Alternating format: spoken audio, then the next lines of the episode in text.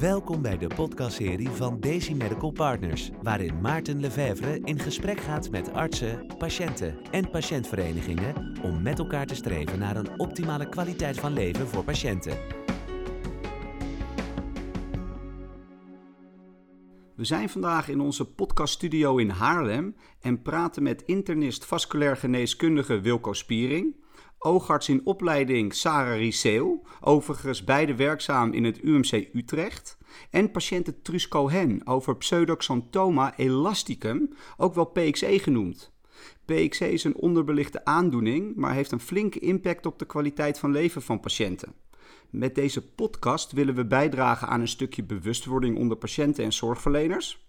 We bespreken hoe het diagnosetraject eruit ziet, wat de stand van het wetenschappelijk onderzoek is, op welke manier de patiëntvereniging bij kan dragen en we geven graag een aantal praktische tips mee voor de luisteraars. En Wilco, om bij jou te beginnen, wat houdt de ziekte PXC nu precies in? Uh, ja, PXC is een afkorting die staat voor Pseudoxanthoma elasticum. Dat is een zeldzame erfelijke uh, ziekte uh, waarbij er eigenlijk versnelde verkalking plaatsvindt van huid, ogen en bloedvaten. Ja, en dat is eigenlijk ook al een beetje het ontstaan van de ziekte, als ik jou zou horen. Ja, dat klopt. Uh, wat er dus eigenlijk uh, misgaat, is dat door een uh, bepaald genetisch foutje een bepaald stofje, we noemen dat pyrofosfaat, onvoldoende wordt aangemaakt. En dat pyrofosfaat dat is cruciaal om verkalking in het lichaam op plaatsen waar dat niet nodig is te remmen.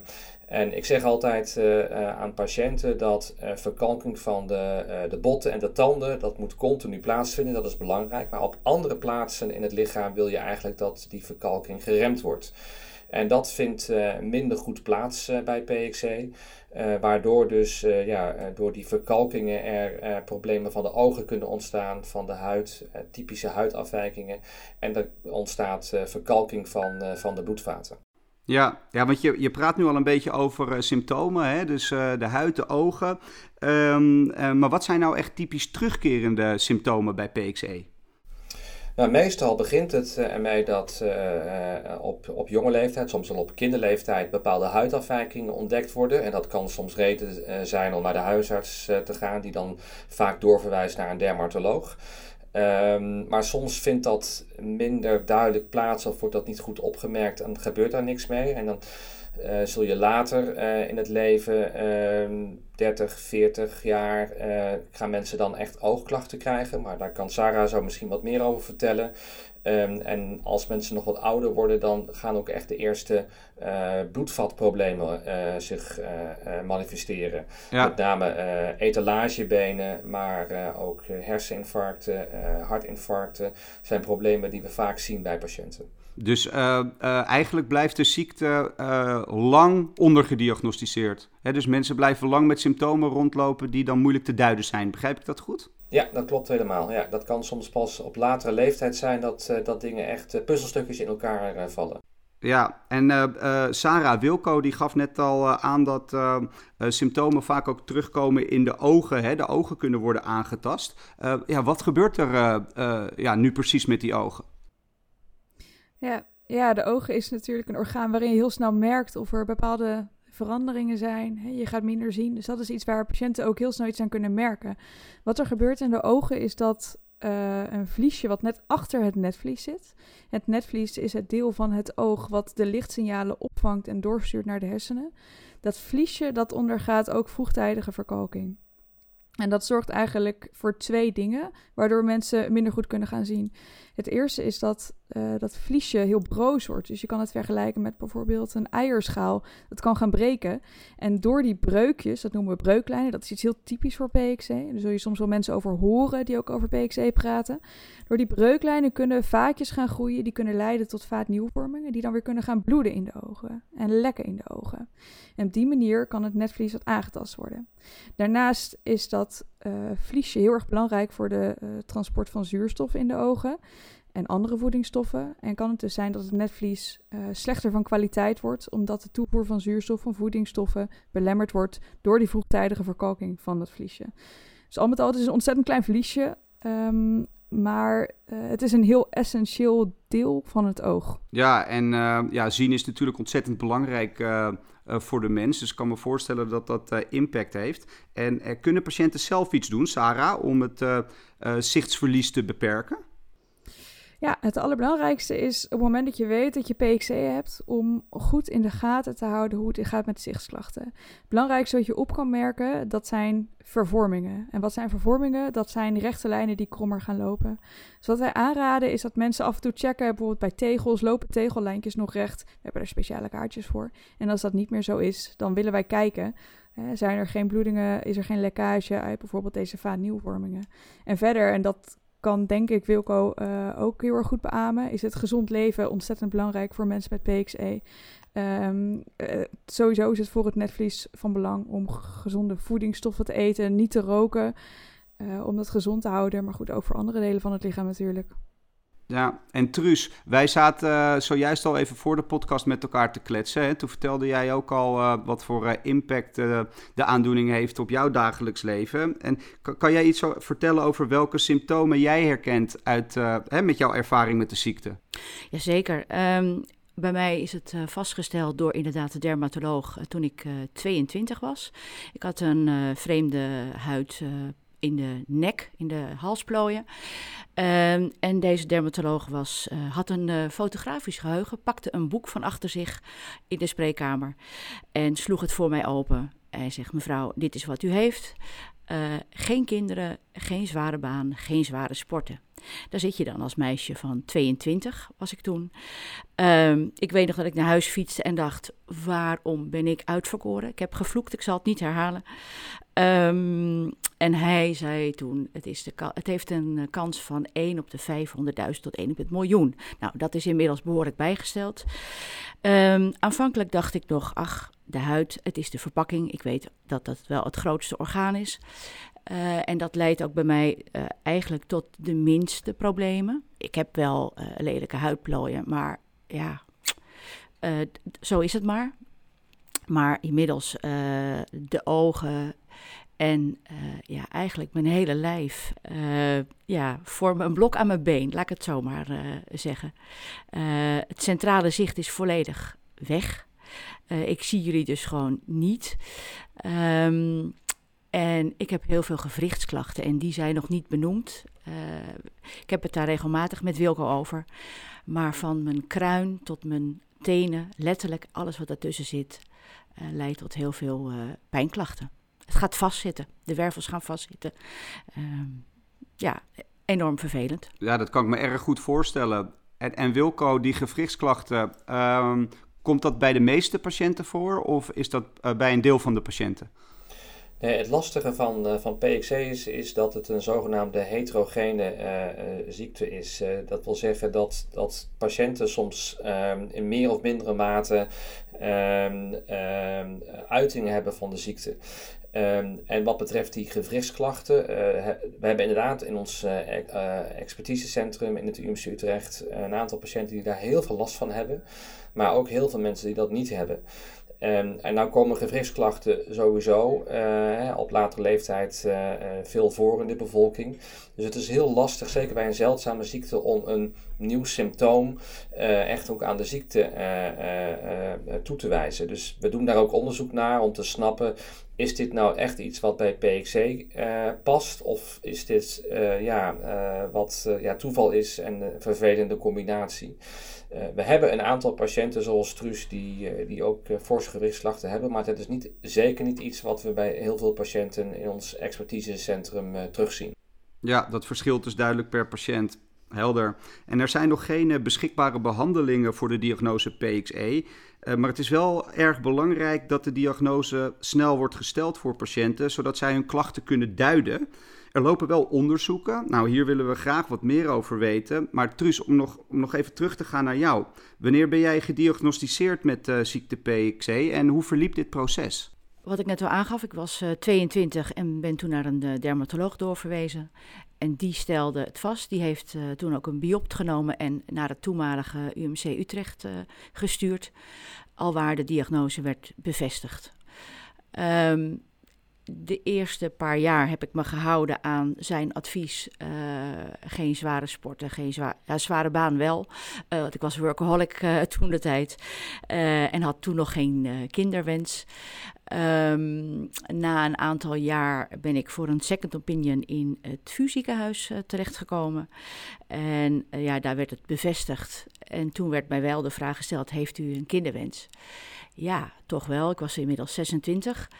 Um, en ben toen naar de chef de kliniek uh, gynaecologie gestuurd. Sorry. En uh, die zei: Ik ken het niet, maar ik begrijp wat de problemen kunnen gaan zijn tijdens de zwangerschap. laat maar weten als je zover bent, maar wacht niet te lang. Dat is voor niemand goed, maar zeker voor een PXC-patiënt vond hij dat niet verstandig. En ehm, nog binnen dat jaar heb ik mijn eerste zoon mogen baren na een zeer uh, streng gecontroleerde zwangerschap. Uh, met veel echo's, waar natuurlijk ook de navelstreng uh, goed in de gaten werd gehouden. Want ook daar heb ik inmiddels gezien komen al problemen voor bij patiënten. mijn bloeddruk werd heel scherp gecontroleerd. De groei van het kindje werd goed in de gaten gehouden. En ik moest heel veel rust houden, de tweede helft. Maar wel een, een goede, voldragen uh, gecontroleerde zwangerschap. En een gezonde baby ook. Ja, geweldig. Ja, Misschien uh, nog wel even goed om te benoemen, want ik denk dat uh, het belangrijk is dat ook jonge vrouwen die misschien deze podcast luisteren, van wat betekent het nou voor mij, hè, anno 2023. Sarah en ik hebben daar ook een, een artikel over geschreven. Um, omdat die vraag natuurlijk bij ons best wel vaak voorkomt in het expertisecentrum. Um, we hebben met name eigenlijk gekeken van wat gebeurt er nou in de ogen. Dus daar kan Sarah misschien wat meer over zeggen. Maar de bottom line is, ja, als je PXE hebt, dan uh, is het belangrijk om dat goed in de gaten te houden. Maar het is absoluut geen reden om niet zwanger te worden. de kans dat je zelf een kind krijgt met PXE is heel erg klein sowieso. En, en uh, we zien eigenlijk tijdens de zwangerschap uh, geen, uh, geen grote problemen. Um, ja. En als aanvulling hierop, er werd vroeger ook nog wel eens gezegd, nou je moet een keizersnede ondergaan, er mag geen vaginale bevalling plaatsvinden. Daar hebben we nu ook van geleerd door het bekijken van wat gebeurt er nou precies in elk geval met die ogen. Dat het hebben van PXC eigenlijk ook geen reden is om een ander soort bevalling te moeten ondergaan. Nee. Mensen met PXC kunnen gewoon een vaginale bevalling ondergaan. Uh, mag ik daar nog iets over zeggen? Uh, inderdaad, ik was ook toen al bang voor mijn ogen. Um, maar, en mijn uh, gynaecoloog zei, ik wil juist geen keizersnee bij je doen. Omdat het wel zeven, zeven lagen bindweefsel zijn. En dat leek hem ook geen goed uitgangspunt. Om dat allemaal weer te moeten gaan hechten. En omdat ook hij niet wist hoe PXE zich verhoudt tot dat deel van, van het lichaam. Ja, goed, uh, goed om te weten voor patiënten met PXE. Hè? Dus dat uh, een kinderwens gewoon uh, te realiseren is op een, op een goede manier. Um, Wilco, zou jij nog wat kunnen vertellen over hoe het gehele diagnosetraject eruit ziet bij PXE? Ja, wij hebben dus uh, nu tien jaar geleden besloten om uh, uh, gezamenlijk op te trekken. En we is dan de oogkunde en ik als internist vasculaire geneeskunde in het UMC Utrecht om een landelijk expertisecentrum op te richten. En een van de dingen die we heel snel hebben opgezet is een gezamenlijk zorgpad. Dus eens in de twee weken komen patiënten uit ehm, heel Nederland, maar ook zelfs buiten Nederland naar het expertisecentrum. En waar ze binnen ja, eigenlijk een, een groot deel van de dag een heel traject eh, in het ziekenhuis doorlopen, waarbij ze bij de oogarts komen, bij mij komen, vaatonderzoeken krijgen, bloedonderzoeken krijgen, eh, CT-scan krijgen. En eigenlijk het van de dag uh, hebben we dan eigenlijk het hele diagnostische traject eigenlijk afgerond om de diagnose, als daar al twijfel over bestaat, want dat is soms wel het geval, um, om dat uh, hard te maken of de patiënten te kunnen geruststellen dat ze geen PXC hebben, want dat komt uh, gelukkig ook nog een paar keer uh, voor. Um, maar vaak is de verdenking wel hoog en bevestigen we inderdaad met alle diagnostische onderzoeken dat er inderdaad sprake is van PXC. En vervolgens is er dan een heel traject uh, waarbij we dus die mensen ja, goede adviezen gaan geven, um, bewust gaan maken van nou ja, gezonde leefwijze, dingen die ze wel kunnen doen. En ook kijken of ze in, kunnen deelnemen aan klinische studies die wij, die wij doen. Ja. En wat, wat zouden nou valkuilen kunnen zijn in het diagnosetraject? Nou, soms als de huidafwijkingen heel duidelijk zijn, dan is dat bijna eigenlijk al uh, een bevestiging, zeg maar. Maar wat heel opvallend is, is dat uh, toch bij best wel een deel van de patiënten, meestal mannelijke patiënten, we eigenlijk geen huidafwijkingen zien.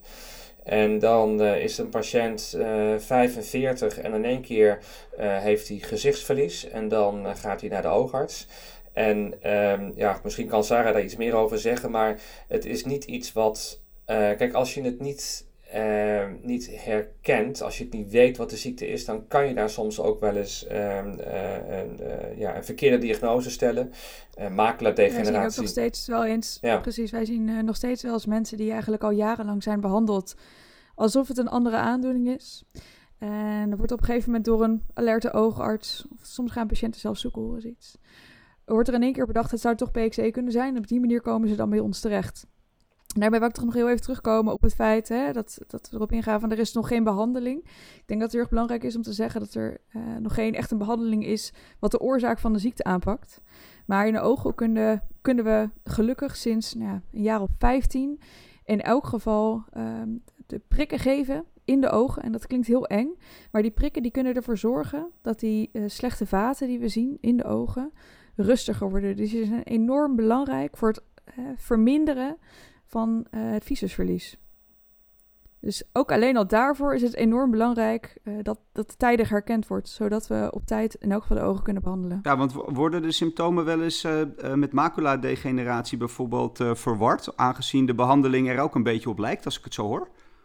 Zeker, en in zekere zin is PXC een hele vroege vorm van maculadegeneratie. De maculadegeneratie die wij kennen, dat is eigenlijk de leeftijdsgebonden maculadegeneratie. Ja. Maar PXE is eigenlijk een hele vroege, heel vroege vorm daarvan. Want het is ook een achteruitgang van de macula in hele strikte zin. Dus het lijkt er uiteindelijk op, maar het treedt vroeger op. Het treedt in, een heftigere mate op.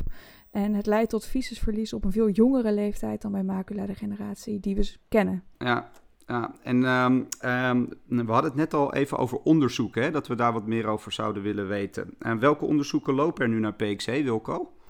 Ja, we zijn zelf uh, in het UMC Utrecht in het expertisecentrum een aantal jaar geleden begonnen met een klinische studie waarbij we eigenlijk een heel oud geneesmiddel, uh, genaamd etidronaat, onderzocht hebben. We hadden op basis van onderzoek bij muizen aanwijzingen dat het wel eens goed zou kunnen werken. Uh, dat onderzoek is gedaan bij relatief oudere patiënten met PXE en al veel complicaties. En de eerste aanwijzingen zijn daar best wel positief bij, namelijk dat we de vaatverkalking weten af te remmen. Effect op de ogen, eh, wat we natuurlijk ook heel erg hopen, dat hebben we daar niet kunnen zien. Maar dat, eh, dat kwam waarschijnlijk ook omdat de patiënten die in die studie zaten al, al, al best wel ernstige oogcomplicaties hadden. En dat is voor ons reden dat we de afgelopen jaren heel veel moeite hebben gedaan om geld te zoeken voor een nieuwe studie. Eigenlijk een vervolgstudie. Daar zijn we nu net een paar weken geleden mee begonnen, de Temp Prevent studie. En uh, daarbij willen we eigenlijk juist bij jonge mensen, en jong uh, is dan um, onder de leeftijd van 50 jaar, um, onderzoeken als je maar op tijd dus begint met dat uh, geneesmiddel, kun je dan zeg maar complicaties later in het leven voorkomen. Um, en dan kijken we opnieuw naar de, de bloedvaten, de verkalking van de bloedvaten, want dat kunnen we goed meten met CT-scan. Maar nadrukkelijk ook uh, wat er in de ogen uh, gebeurt. Want vaak hebben de mensen tot aan 50 nog relatief weinig afwijkingen. En het zou mooi zijn als we met die behandeling de ziekte zouden kunnen stilleggen. Want dat is denk ik waar we nu vooral op focussen. Een behandeling die de ziekte weet stil te leggen. Uh, maar echt terugdraaien van verkalking wat er al in huid, ogen en bloedvaten ontstaan is, dat is op dit moment nog niet mogelijk. Ja, ja echt verslechtering voorkomen. Ja. Ja. Sarah, jij hebt zelf onderzoek gedaan naar de oogheelkundige gevolgen van eh, PXE. Ehm, ja, kan jij hier uh, iets meer over vertellen? Zeker. Um, eigenlijk is er nog heel erg weinig bekend over wat PXE precies met de ogen doet. Dus uh, wat wij hebben onderzocht en waar we ook nog steeds mee bezig zijn, is eigenlijk twee, drieledig. Het eerste is ja, wat, wat gebeurt er nou precies in de ogen met PXE? Wat voor effect heeft die verkalking van dat dunne vliesje? Nou op uh, het, netvlies en op de rest van het oog. En natuurlijk ook het allerbelangrijkste, wat gebeurt er nou precies? Wat heeft het voor effect op het zicht, op andere dingen? En hoe kunnen we daarop ingrijpen? en tot slot hebben wij ook een focus. Wilco die, die gaf dat net ook al aan. Het is ontzettend moeilijk om te meten in de ogen uh, hoeveel verkalking er is, hoeveel PXE er eigenlijk in de ogen is. Dus we zijn ook ontzettend druk bezig met het verder onderzoeken, uh, met met name scans, hoe we dat beter kunnen meten, het ontwikkelen van nieuwe metingen. En daar is uh, nu ook, daar gaan we ook wel mee door. Daar komen ook weer nieuwe mensen voor die dit ook nog verder gaan onderzoeken. Mag ik iets vragen? Mij is altijd verteld dat de angloïde strepen een aanwijzing zijn voor de PXE um, in, in de mens. Um, bij mijn vader bijvoorbeeld, nou Wilco weet dat, uh, hij is niet nooit gediagnosticeerd, hij is uh, te jong overleden met uh, afgezette etalagebenen, gescheurde maag en de voorbode van het slechter zien. Um, maar die angloïde strepen, die hoor ik je niet noemen. Zijn die niet meer onderdeel van de diagnose? Uh, zeker zijn ze nog wel onderdeel van de diagnose. Dus uh, er is ooit uh, door, door iemand is er, zijn er criteria opgesteld waaraan iemand moet voldoen om de diagnose PXE te krijgen. En dat wordt een beetje technisch, maar dat betekent van nou, je moet ofwel zo en zoveel mutaties hebben, of je moet die en die afwijkingen bijvoorbeeld op de huid hebben, of je moet bijvoorbeeld angioïde strepen in de ogen hebben. Dus we, we gebruiken deze die angioïde strepen absoluut nog wel bij het stellen van een diagnose. Alleen het lastige is, angioïde strepen zijn niet um, heel specifiek voor PXE. Ze kunnen ook voorkomen bij andere aandoeningen, andere bindweefselziekten. Plus daarnaast leren we nu steeds meer en meer door het hè, doen van heel veel onderzoek in deze ziekte, dat eigenlijk die strepen, dat is meer een secundair gevolg van die verkalking. Hè, het, het is een beetje willekeurig waar die strepen nou precies gaan zitten. We hebben wel geleerd dat mensen die meer verkalking hebben, die hebben vaak ook iets langere strepen. Maar nog steeds is het heel moeilijk om echt verder te gaan met die angioïde strepen. Het is een, uh, een, een, belangrijk symptoom wat heel duidelijk herkenbaar is als oogarts zijnde. Maar het is uh, niet het meest optimale om verder onderzoek mee te doen. En, en Truus, um, Sarah uh, noemt nog een keer het onderzoek. Ben jij bij een van de onderzoeken betrokken? En als je dat bent, hoe ben je precies betrokken? Um, ja, zeker. Ik heb meegedaan met uh, het eerste jaar van het onderzoek, wat Wilco noemde, bij oudere patiënten. toen zat ik in de, het was een dubbelblind onderzoek waarbij ik in de controlegroep zat. Dus het, heb, ik heb een jaar lang het placebo geslikt. ik doe nu mee aan de TEMP-studie, TEMP 1 of TEMP 2 heet dat volgens mij, uh, gedurende vijf jaar, waarbij je vier keer per jaar gedurende twee weken uh, het middel uh, gebruikt. Um, helaas heb ik wat last van de bijwerkingen, maar dat hoeft niet in de podcast. Um, en ik heb al sinds acht jaar injecties in de ogen. Niet het hele traject, want op een gegeven moment is ook, zegt mijn oogarts, het, de, de retina te, te dun, het netvlies te ja, het is bij mij bijna weg in het midden. En dan heeft het ook geen zin om te injecteren. Uh, bovendien is het toch iedere keer weer een, uh, een kans op uh, infectie. toch treden er bij mij nu weer, treedt er weer vaatgroei op. Op een plek van het netvlies, wat eigenlijk buiten het scangebied valt. Dus dat is nog eens dubbel lastig. En daar word ik wel nu weer voor, voor behandeld met injecties. maar het heeft mij niet geholpen. Ja, ik kan niet zeggen het heeft uitstel van executie uh, ge gebracht, want ik weet niet hoe snel het anders zou zijn gegaan. Maar ja, mijn centrale visus is weg. Dus ik, uh, ik vaar op mijn contouren aan de, de buitenzijde van de ogen. Ik neem waar. Ja. Ik, ik, ik zie niet. Ja. Kijk, ik denk dat Trus een goed voorbeeld is. Hè, dat, dat waar we natuurlijk de afgelopen jaren natuurlijk mee geworsteld hebben, is dat we deze ziekte niet goed nog konden uh, herkennen, omdat het ja, bij heel veel dokters gewoon niet bekend was. En dan voordat patiënten uiteindelijk pas echt een beeld zijn, hebben ze al zoveel complicaties. Um, ja, dat is een traject wat je niet meer, dat is een fase wat je niet meer kunt terugdraaien. En de aandacht ligt nu veel meer, we moeten vroeger die diagnose stellen. Um, hè, dus het, daarom is deze podcast ook zo belangrijk, hè, dat er awareness uh, uh, ontstaat dat deze ziekte er is. Zodat we ook op tijd behandelingen kunnen gaan uh, inzetten. Uh, de, de oogheelkunde is een heel goed voorbeeld waarbij die injecties heel veel hebben kunnen betekenen. Maar je moet er wel op tijd mee beginnen. Um, en zo zijn ook de, de onderzoeken die we nu aan doen, zijn heel erg gericht om juist bij jongere patiënten een behandeling te, te vinden die verdere achteruitgang uh, weet, weet te voorkomen. Nou, ik wil daar nog iets op zeggen. Ik ben uh, op mijn 22e dus gediagnosticeerd. Uh, nog voor ik zwanger was van de eerste, was ik al op PXE-contactdagen. Die waren toen uh, eens in de twee jaar. Er was toen een heel ander team van artsen dat daar zijn of haar licht op liet schijnen. Altijd een oogarts. ook een, een ehm, cardioloog was eraan verbonden, een dermatoloog, maar gefragmenteerd. Dus eens in de twee jaar was er wel een bijeenkomst. En ieder liet zijn of haar licht schijnen op het toenmalige beeld op de aandoening maar nooit met verdergaande gevolgen. En ik heb me toen al wel heel snel gemeld bij professor Slingerman, die toen nog uh, uh, zich daarmee bezig hield. En gezegd: Goh, kan ik eens bij u komen? Want uh, ja, je, je was eigenlijk een, een, een vrij zwemmende vis die zelf moest zoeken naar waar kan ik terecht.